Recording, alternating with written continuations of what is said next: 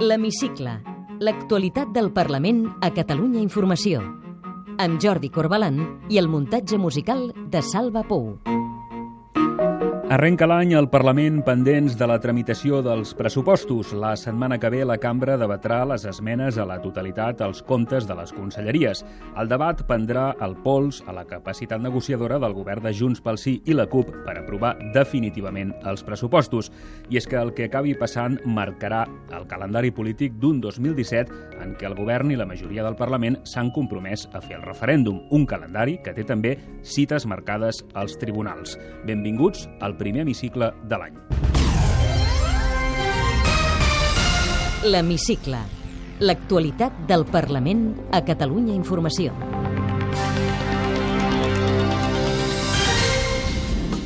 La Fiscalia defensa que es torni a obrir la via penal contra Forcadell i quatre membres de la mesa que van tramitar les resolucions sobre el referèndum del debat de política general. Prova aquesta persecució política que ens recorda la d'un règim totalitari. El Parlament entra en la fase decisiva dels pressupostos amb el debat de les esmenes als diferents capítols dels comptes. Estic segur que amb l'objectiu històric que ens uneix doncs, eh, serem capaços d'arribar a un acord. Això ho decidirà la militància de la CUP, i no només, hi ha més gent que ha de votar també els pressupostos, però que la militància de la CUP prendrà la decisió el 28 de gener. Us explicarem per què el Parlament de Catalunya és un Parlament saludable. el no fer ús de l'ascensor, el anar a tot arreu, evidentment, caminant, i el tindre l'oportunitat per fer moltes coses que podem fer d'en peus, no sempre asseguts en una cadira. I contestarà en una frase el qüestionari de l'hemicicle Shakir Homrani, sóc diputat de Junts pel Sí. El 2017 promet ser intens al Parlament. Aquesta setmana ha fet un any de la investidura del president Carles Puigdemont i hem preguntat als diferents grups de la cambra quin balanç fan del primer any d'una legislatura que s'anunciava excepcional, de 18 mesos. Ho expliquem amb Carme Montero. El Parlament ha aprovat cinc lleis des de l'inici de l'onzena legislatura i està tramitant ara mateix una cinquantena d'iniciatives legislatives. 15 projectes de llei, 30 proposicions de llei i 5 iniciatives legislatives populars. Més enllà de les xifres, el president del grup parlamentari de Junts pel Sí, Jordi Turull, n'està satisfet. El gran objectiu de la legislatura, tots els temes legislatius que havíem d'impulsar i tirar endavant eh, s'han fet en el, en el calendari previst, ja sigui el tema de la hisenda pròpia, de l'Agència de Protecció Social a l'acord polític doncs, de la llei de transitorietat, que és la, la gran llei, per tant, des d'aquest punt de vista s'ha complert, i també de, de tots els temes de, del mentrestant i, i de grans lleis que també s'estan tramitant aquí. Això va des de la llei del canvi climàtic, a la llei del vot electrònic, de la llei de la universalització de la salut, a una llei que hem aprovat eh, indiscutiblement molt important, que és la llei de garantir el dret a l'habitatge. No ho veuen igual des de l'oposició. Coincideixen a dir que el balanç de l'activitat parlamentària ha estat pobre. Sentim el president del grup parlamentari de Ciutadans, Carlos Carrizosa, que treu pit i defensa la tasca del primer grup de l'oposició. L'activitat ha estat molt escassa per part del govern, que només ha tramitat un projecte de llei, i per la nostra banda nosaltres sí que hem estat el, el, el grup parlamentari que ha presentat més iniciatives i també més de caire social. La portaveu del PSC, Eva Granados, i el de Catalunya sí que es pot, Joan Coscubiela, també parlen en termes de fracàs. Si estem en una legislatura que, com el president Puigdemont va dir que era excepcional i que només seria de 18 mesos, i ell mateix va dir que eh, portarien a terme 45 lleis. Després d'un any d'activitat legislativa hem de dir que només el govern ha aprovat cinc lleis, de les quals només una estava prevista en el seu pla de govern i les altres o bé són tècniques o bé són sobrevingudes. Per tant, el balanç de l'activitat legislativa al Parlament d'aquest any és de fracàs de la iniciativa del govern. Crec que ha estat un any perdut eh,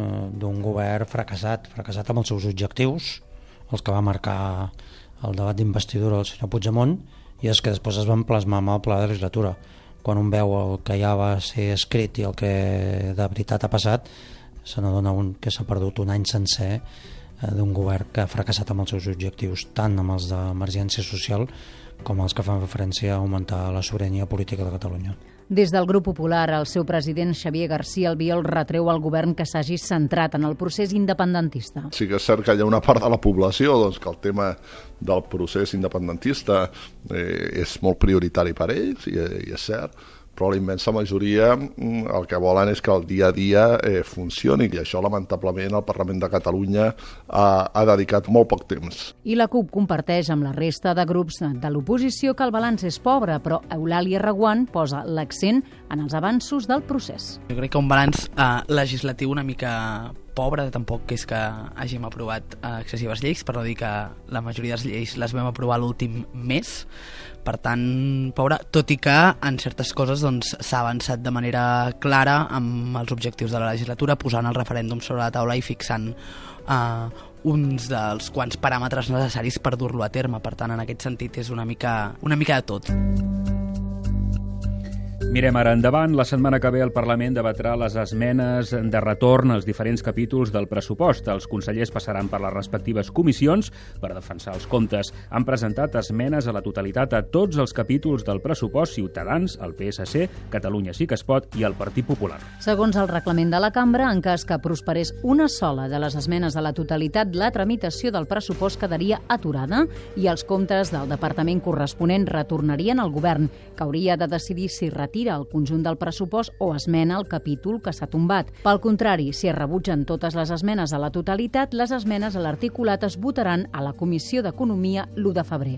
Abans, el dia 28 d'aquest mes, la CUP decidirà si aprova definitivament els comptes. Com afronten els grups, Carme, aquesta fase decisiva de la tramitació dels pressupostos? Doncs eh, des de Junts pel Sí, Jordi Turull confia que hi haurà acord amb la CUP, tot i que el marge de maniobra és escàs. La cupaire Eulàlia Reguant entén entén que hi ha marge per acceptar les esmenes de la seva formació per reforçar l'escola pública o revertir les privatitzacions. És la consciència que nosaltres tenim 62 diputats, no en tenim 70, i que amb qui volem arribar a un acord en té 10 i no en té 80, no? i estic segur que amb l'objectiu històric que ens uneix doncs, eh, serem capaços d'arribar a un acord i per això tota la confiança amb el vicepresident d'Economia. El marge és limitat justament perquè una de les coses que volem un estat propi és perquè ara ens estem discutint per les engrunes. Comencem a posar pedres no? per, per, per vestir això, entenent que les limitacions pressupostàries, les limitacions eh, de Montoro i de la Troika són les que són i la situació econòmica és la que és, però que tenim eines, algunes poques, per començar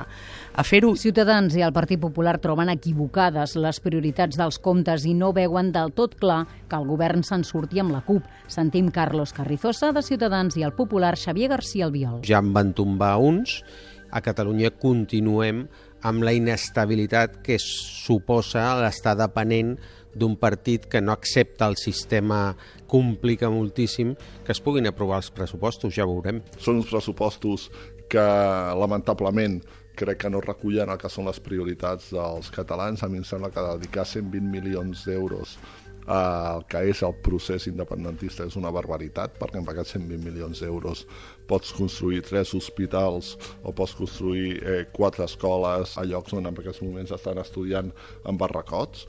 El PSC i Catalunya sí que es pot acluquen l'ull a la CUP per tirar endavant una reforma fiscal que permeti obtenir més ingressos per posar en marxa noves eines contra l'emergència social, com ara la renda garantida. Sentim Eva Granados i Joan Coscubiela. Reclamem coherència a la candidatura d'Unitat Popular, a la CUP, que en aquests debats que hem fet sobre reforma fiscal ha donat recolzament a aquestes reformes i esperem que en la redacció d'esmenes i després en el seu suport trobem també que hi ha doncs, aquesta aquest, aquest acord i aquest suport per part de la CUP a les nostres esmenes que estem parlant amb Catalunya sí que es pot. Les que són claus són les que afecten el tema de la reforma fiscal, la reforma d'IRPF, de successions i donacions i patrimoni. Per què?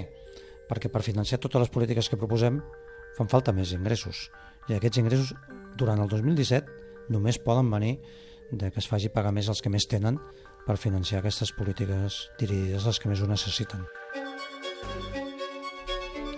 Doncs el govern ha condicionat la celebració del referèndum a l'aprovació d'aquests pressupostos. Si se supera la pantalla dels comptes, hem preguntat als grups parlamentaris si creuen que el govern podrà complir el compromís de tirar endavant aquest referèndum. I Jordi Turull, de Junts pel Sí, té molt clar que el referèndum es farà. I des de la CUP, Eulàlia Reguant demana que ningú es distregui. Nosaltres en diem referèndum o referèndum des del punt de vista que es farà el referèndum.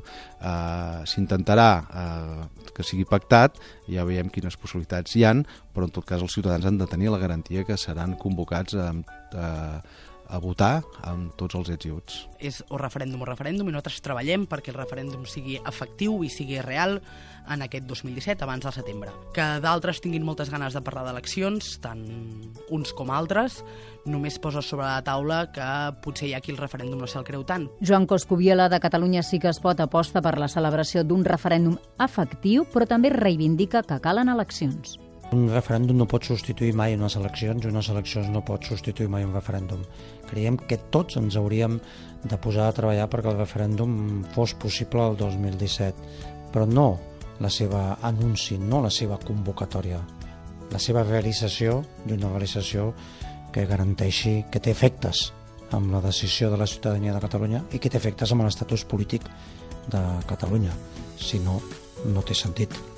El Partit Popular, Ciutadans i el PSC estan convençuts que no hi haurà referèndum. Sentim el popular García Albiol, Carlos Carrizosa, de Ciutadans i la socialista Eva Granados. Sense cap tipus de dubte seran abans aquestes eleccions autonòmiques que no qualsevol altra eh, convocatòries, sobretot eh, convocatòries legals. Jo no crec que hi hagi eh, cap referèndum ni consulta tipus la del 9-N, i més aviat penso que el que tindrem són unes eleccions, unes eleccions, per cert, autonòmiques. El govern sap que el referèndum no pot tenir lloc, perquè l'únic referèndum que podria tenir lloc és un referèndum que opta pel trencament i per la desobediència i nosaltres, com a grup socialista, som partidaris del diàleg i de la negociació.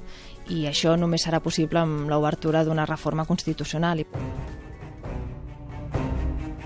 Aquest 2017, l'activitat al Parlament conviurà també amb l'activitat als jutjats. De fet, són dues vies paral·leles que poden acabar topant. Per Jordi Turull de Junts pel Sí, l'actuació de la justícia reforça els arguments pel referèndum i des de la CUP, Eulàlia Raguant diu, sense embuts, que si cal s'avançarà. Que ens donés més arguments, ens dona més exigència i és allò de, escolta, quan abans ho puguem fer però fer-ho ben fet, doncs eh, millor. Jo el que vull dir és que tot això, aquestes amenaces, tot això nosaltres no ens distraurà. És dir, nosaltres tenim un compromís, nosaltres el farem, el referèndum, i l'únic que fa eh, tot això que està fent Fiscalia, el Tribunal Constitucional, etc que estan absolutament a les ordres de la Moncloa, és donar-nos més motius de que volem viure en un estat absolutament eh, diferent. Davant de l'ofensiva judicial i de l'Estat, el que no podem fer és quedar-nos amb un full de ruta fixat i un calendari inalterable.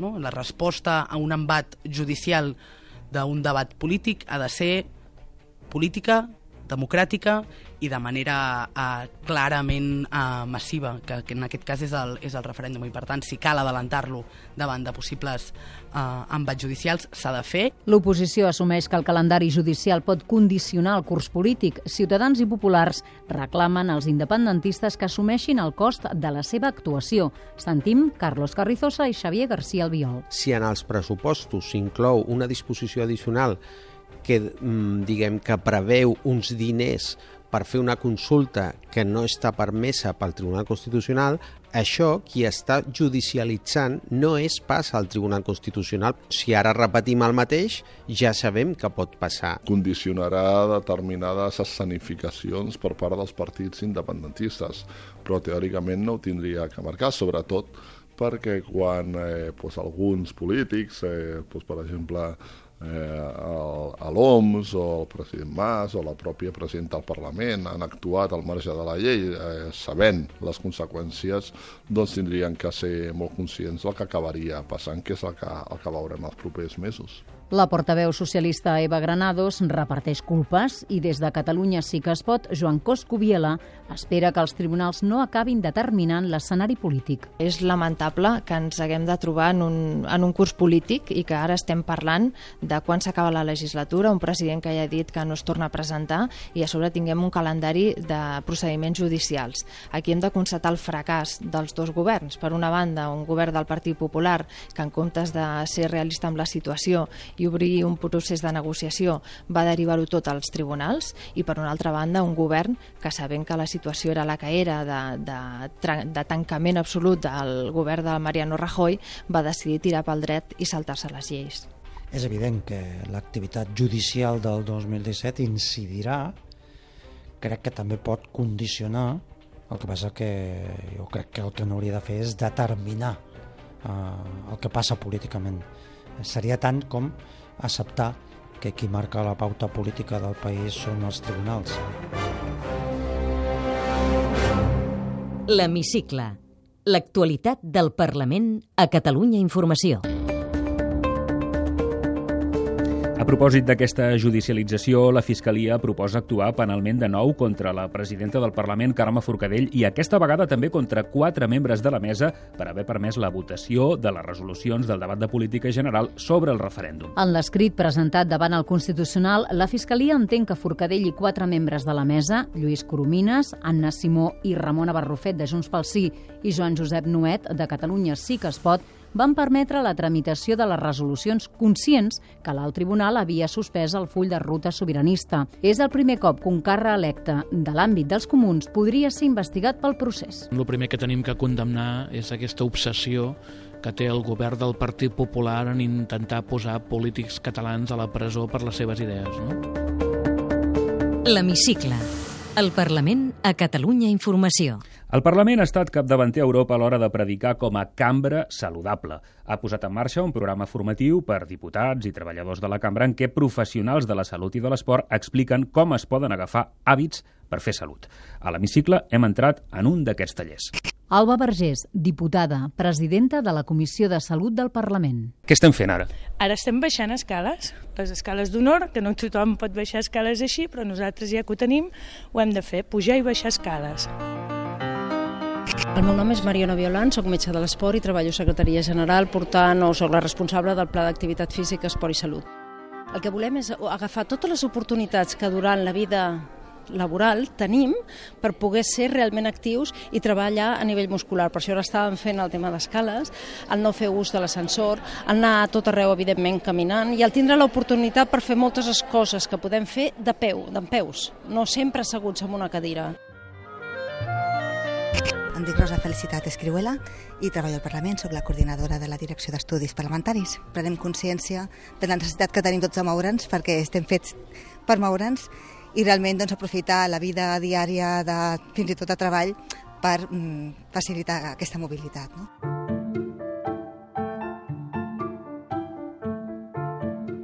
Aquí al Parlament, per exemple, hi ha el passadís de passos perduts, cosa que ens va agradar moltíssim perquè realment dona peu una mica el que nosaltres estem dient. El fet de poder treballar de peu amb l'ordinador quan només estàs mirant una pantalla, que estàs pensant allò que estàs creant o corregint o intentant fer un document, no totes les coses han de passar sempre asseguts en una cadira, sinó que cada hora i mitja ens hem d'aixecar. Reunions amb dos o tres persones fetes a peu, duren menys, eh, les coses es concreten més i potser arribarem a acords polítics també més interessants fent reunions a passos perduts, eh, sortint a fora el que sigui, més que assentar-nos a una taula, amb una taula entremig dels dos interlocutors, etc etc quan una persona accedeix a una vida doncs, més això com de diputat, eh, podem veure no sempre que el seu pes incrementa, no? I després veus les postures d'estar de, de, asseguts hores i hores en un hemicicle o bé a reunions en el despatx, quan moltes de les coses es poden fer senzillament com estem ara nosaltres de peu. És un missatge de cara a la societat. Uh, hem de fer alguns canvis, uh, si no ens passarà que els nostres fills tindran una esperança de vida inferior a la que han tingut els meus pares i això amb, una, amb uns avenços en la sanitat molt importants. Doncs anar a veure el company a dir-li aquella cosa en comptes de trucar-se per telèfon, crec que ja, ens donen una visió de més mobilitat en el nostre dia a dia. Carme Forcadell, presidenta del Parlament que el Parlament ha de ser exemple no? en moltes altres coses, però en aquesta també. I per exemple nosaltres estem fent ara aquest programa tenim l'esperança de que altres empreses també ho acabin fent. Hem d'anar incorporant aquestes coses i, i fer-ho, circuits per caminar, eh, etc. Però són petits canvis i sobretot escales amigues.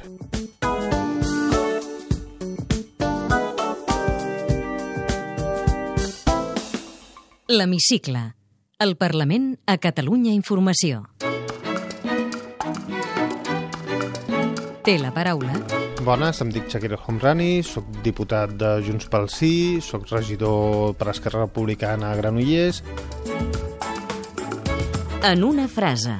Com definiria políticament aquest 2017? Clau. Com creu que l'acabarem? Bé.